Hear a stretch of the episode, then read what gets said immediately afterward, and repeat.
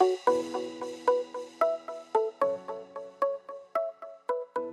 teman-teman semua, perkenalkan namaku Mega Milika, asalku dari Pontianak, Kalimantan Barat, Indonesia.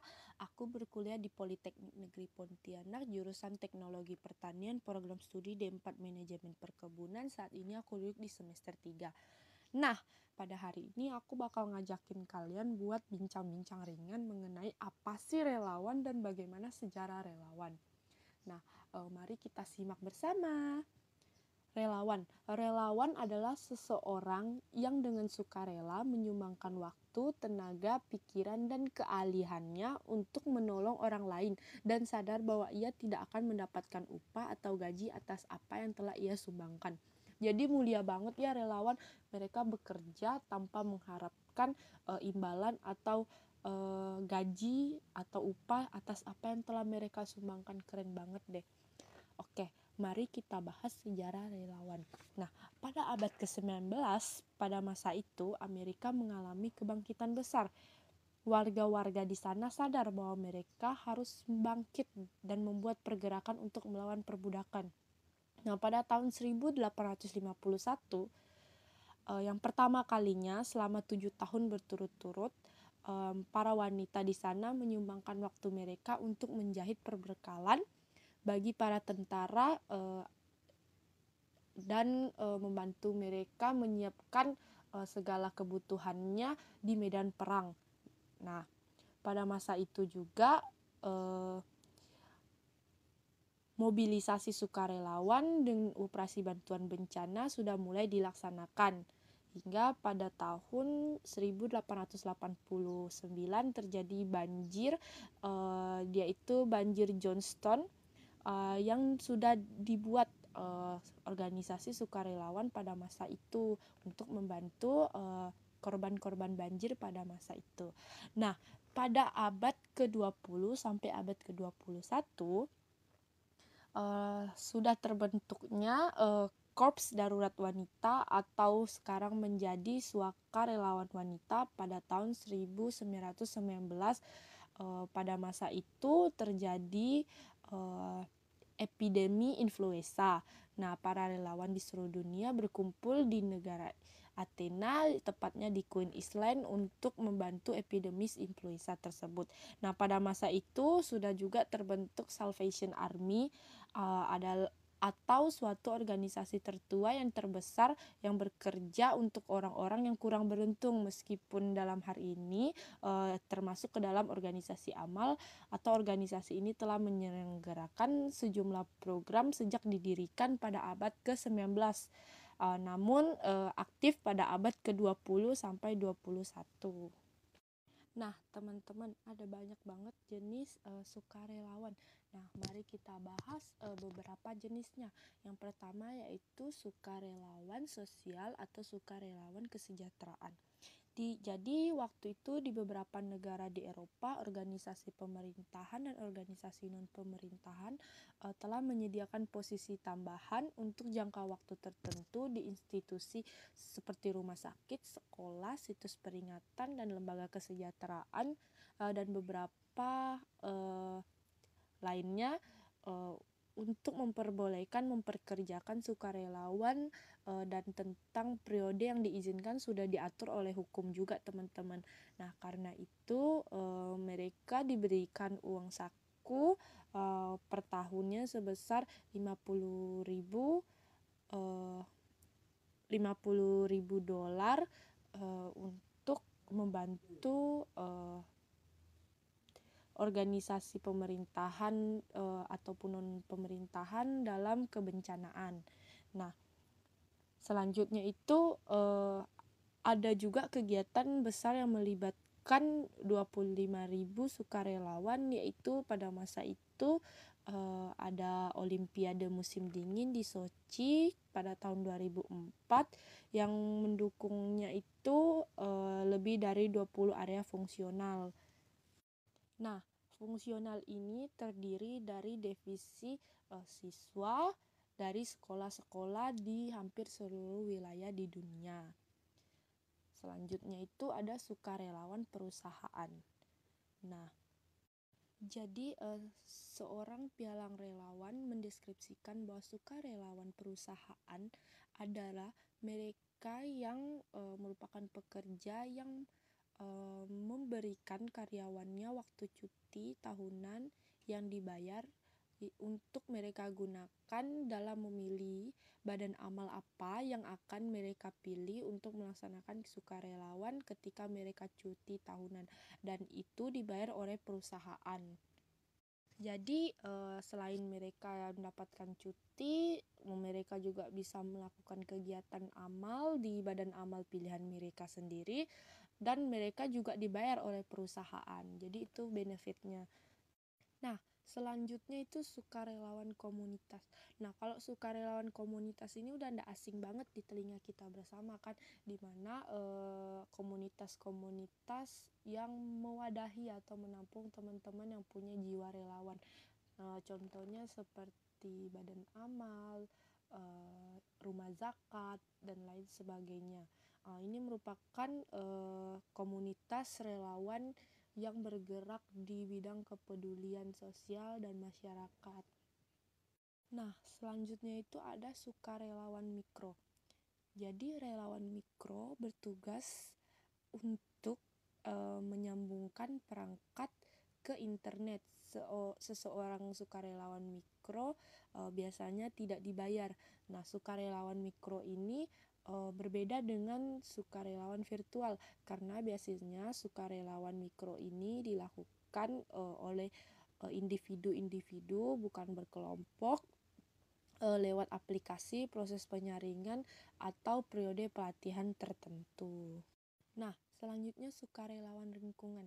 Nah, sukarelawan lingkungan ini adalah sukarelawan yang mengacu pada kontribusinya di bidang konservasi lingkungan, uh, seperti pemantauan lingkungan, pemulihan ekologi lingkungan, penanaman, uh, dan perawatan hewan-hewan yang terancam punah, uh, mendidik orang tentang bagaimana menjaga lingkungan, uh, mungkin yang paling gak asing di telinga kita itu adalah reboisasi, terus penanaman mangrove dan clean beach. Nah, itu merupakan salah satu kegiatan sukarelawan lingkungan yang banyak dilaksanakan di sekitar kita. Nah, um, aku punya contoh nih bagaimana uh, jika kita ingin menjadi sukarelawan atau ingin menjadi relawan. Jadi kita bisa menjadi sukarelawan atau relawan dalam keadaan darurat.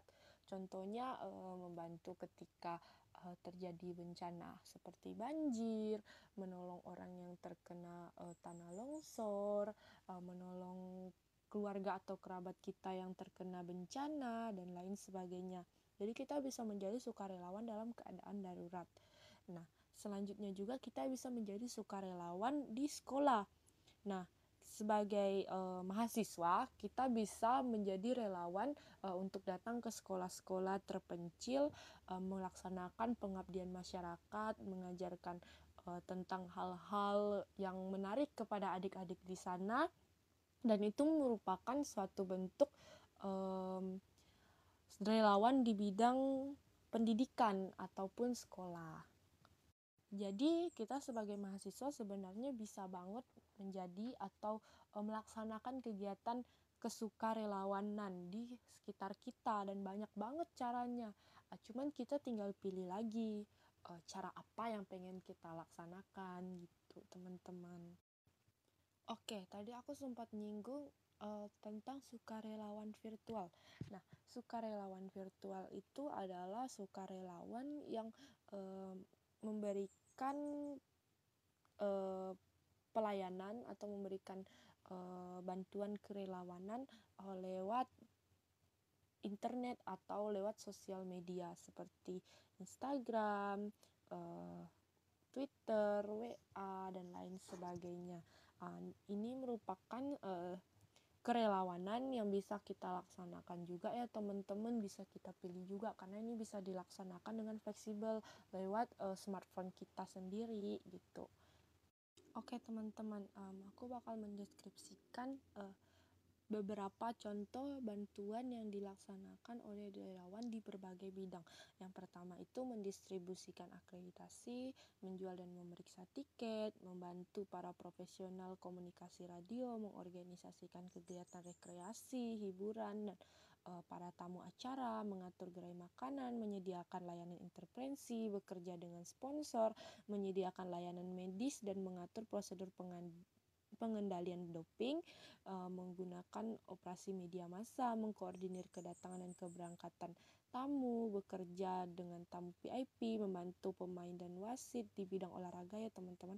Uh, nah terus membantu pemain dan tamu dengan akomodasi, memberikan layanan atau bantuan navigasi, membantu siaran televisi atau radio, mengatur transportasi, uh, mengkoordinasi operasional operasional terus membantu memantau kepatuhan dan persyaratan sosial, menyelenggarakan upacara pembukaan dan penutupan suatu kegiatan uh, yang besar, terus uh, memberikan layanan sosial, membantu dalam bencana, terus memberikan uh, memberikan pelatihan-pelatihan, um, turun langsung atau terjun langsung di negara-negara yang terkena atau terdampak bencana terus mungkin uh, memberikan bantuan atau pertolongan pertama dan lain sebagainya.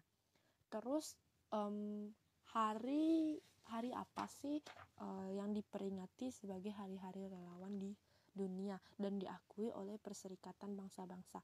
Yang pertama yaitu Hari Layanan Pemuda Sedunia, terus ada Hari Relawan Internasional, ada Tahun Relawan Internasional, terus ada Hands Day, ada Hari Mandela, terus ada Hari Pengabdian MLK, terus ada Hari MIFSA, terus ada Acts of Kindness Day, terus ada Sewa Day, um, dan ada Make a Difference Day, terus ada Hari Kebaikan Sedunia.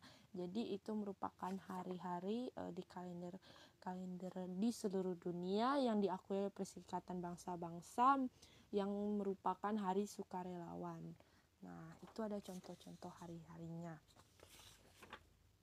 Nah, aku mau ngasih tahu ke kalian nih, tujuh alasan kenapa kalian khususnya mahasiswa harus menjadi relawan. Yang pertama, menjadi relawan itu bisa memperluas pergaulanmu karena kamu bakal punya kesempatan untuk mengenal orang-orang yang baru atau mendapat relasi yang lebih luas. Yang kedua, dengan menjadi relawan, kamu bisa mempreseptifkan dirimu yang sebelumnya belum pernah kamu tahu. Jadi kamu bisa mempreseptifkan dirimu uh, lebih gitu, mengekspor dirimu lebih dalam. Yang ketiga, kamu punya kesempatan lebih untuk mengenal dirimu sendiri dan lingkunganmu. Jadi kamu punya kesempatan lebih banyak lagi untuk lebih mengenal dirimu sendiri dan lingkunganmu.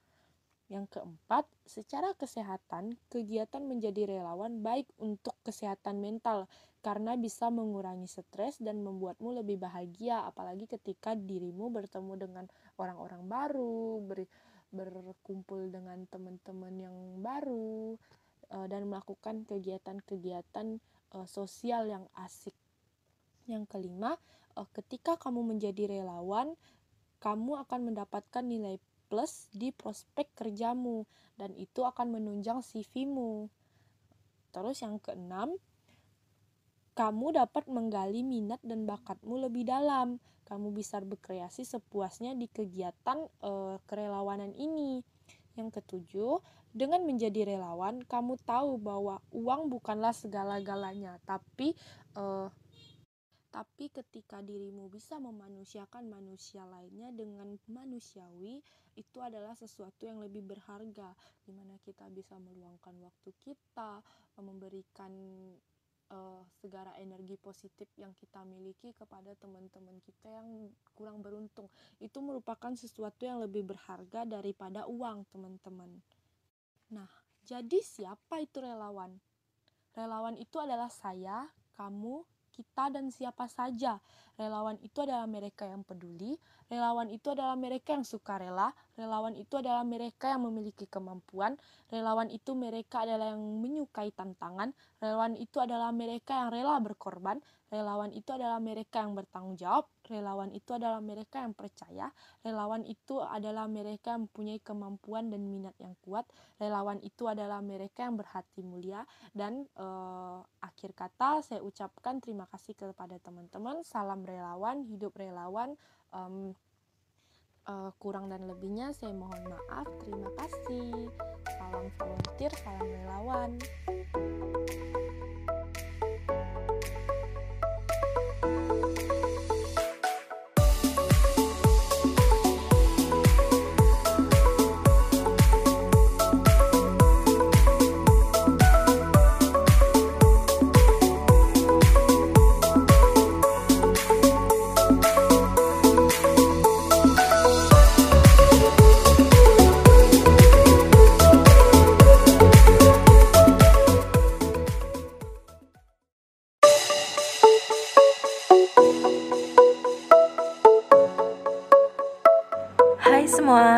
Perkenalkan namaku Amara dan aku sedang bersama Teteh cantik dari Banten nih. Wah, hai semua.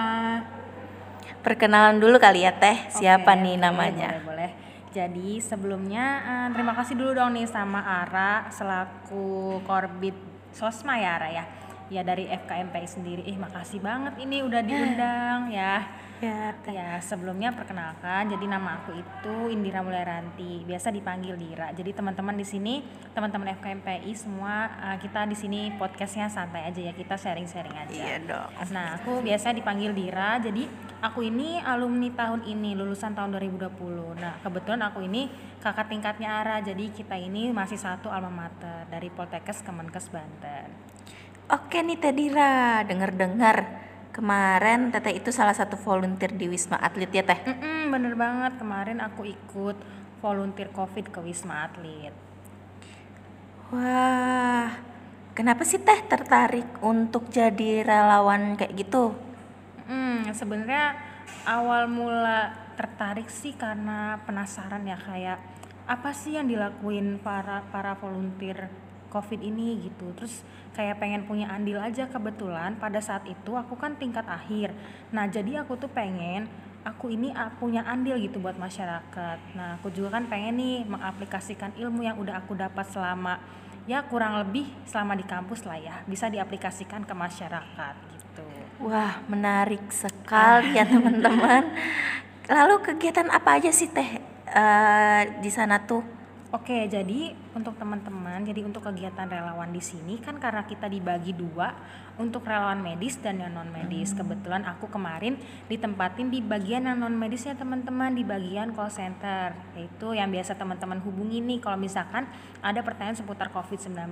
Nah, itu kegiatannya kalau untuk call center COVID sendiri yaitu menerima panggilan dari masyarakat. Nah, itu biasanya sih keluhan-keluhan atau masyarakat yang ingin merujuk ke Wisma Atlet. Biasanya sih untuk sistem rujukan itu yang menghubungi adalah pihak puskesmas ataupun pihak rumah sakitnya begitu Ara dan teman-teman.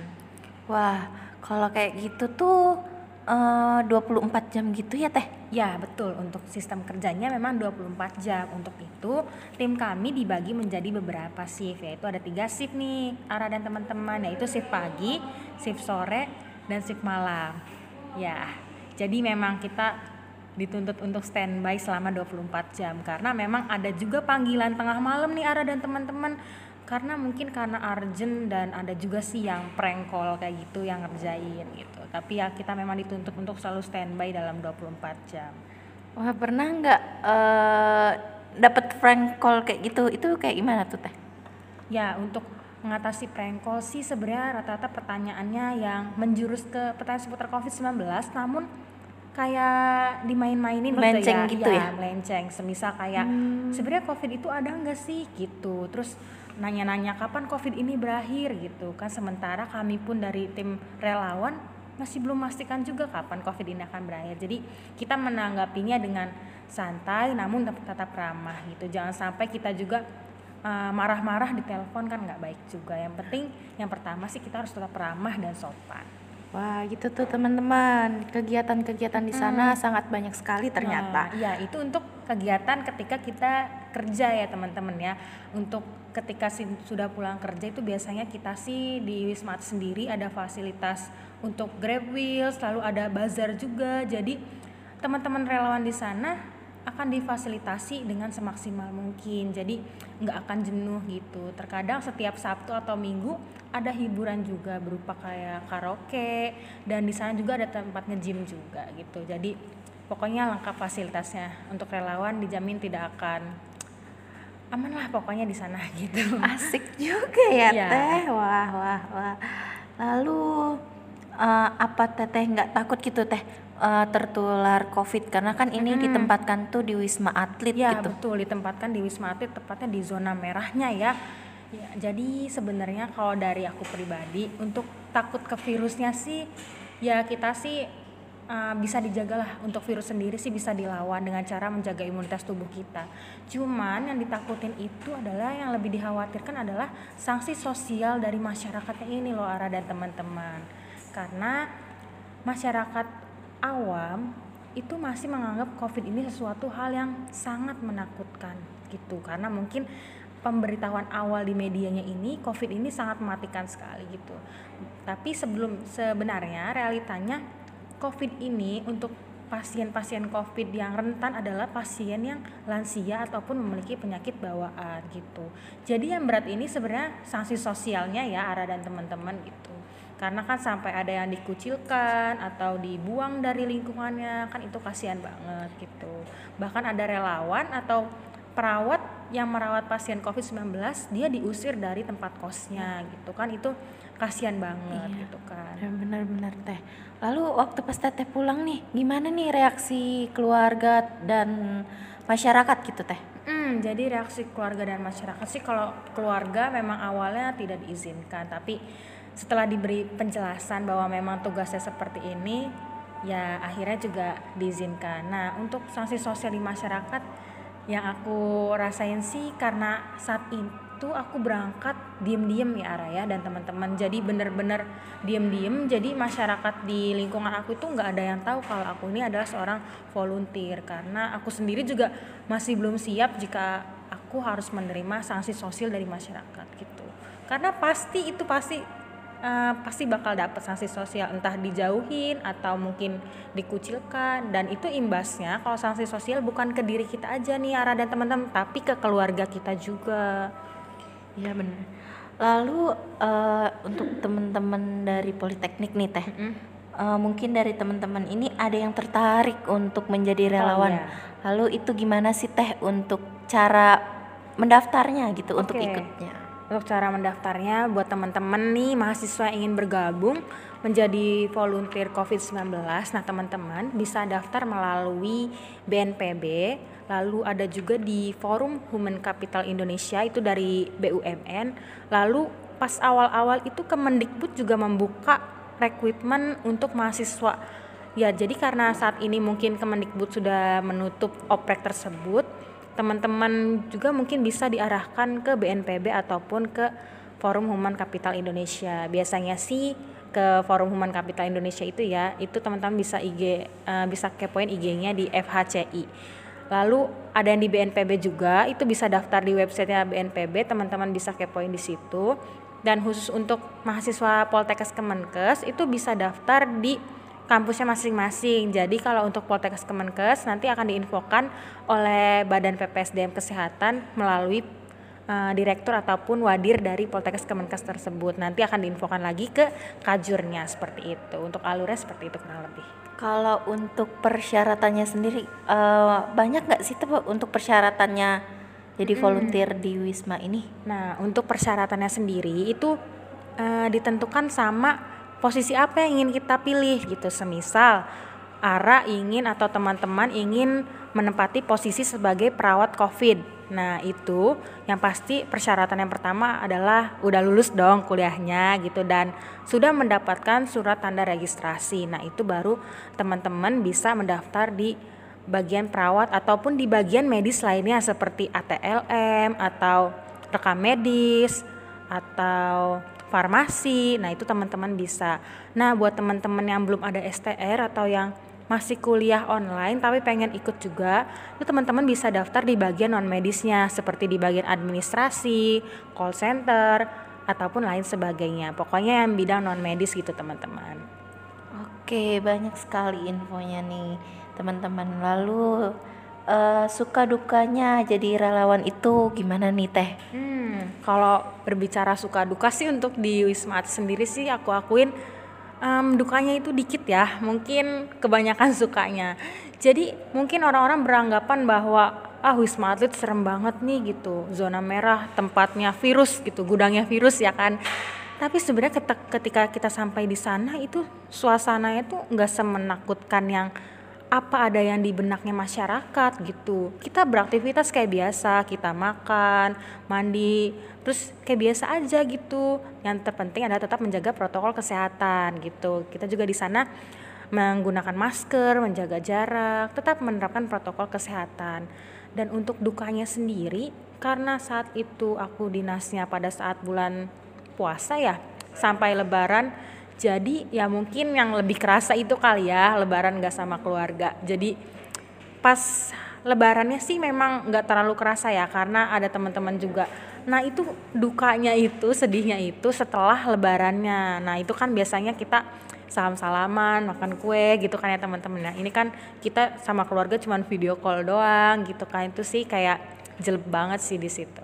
Selebihnya sih enak banget itu kayak untuk di Wisma Atlet sendiri ya yang aku rasain tuh kayak pokoknya bener-bener pemerintah ini um, mengapresiasi banget lah para relawan gitu jadi nggak kekurangan fasilitas nggak kekurangan makan pokoknya semua sudah disediakan pokoknya terima kasih juga nih buat pemerintah terutama uh, direktur Wisma Atlet juga itu sudah memfasilitasi dengan amat baik kepada para relawannya.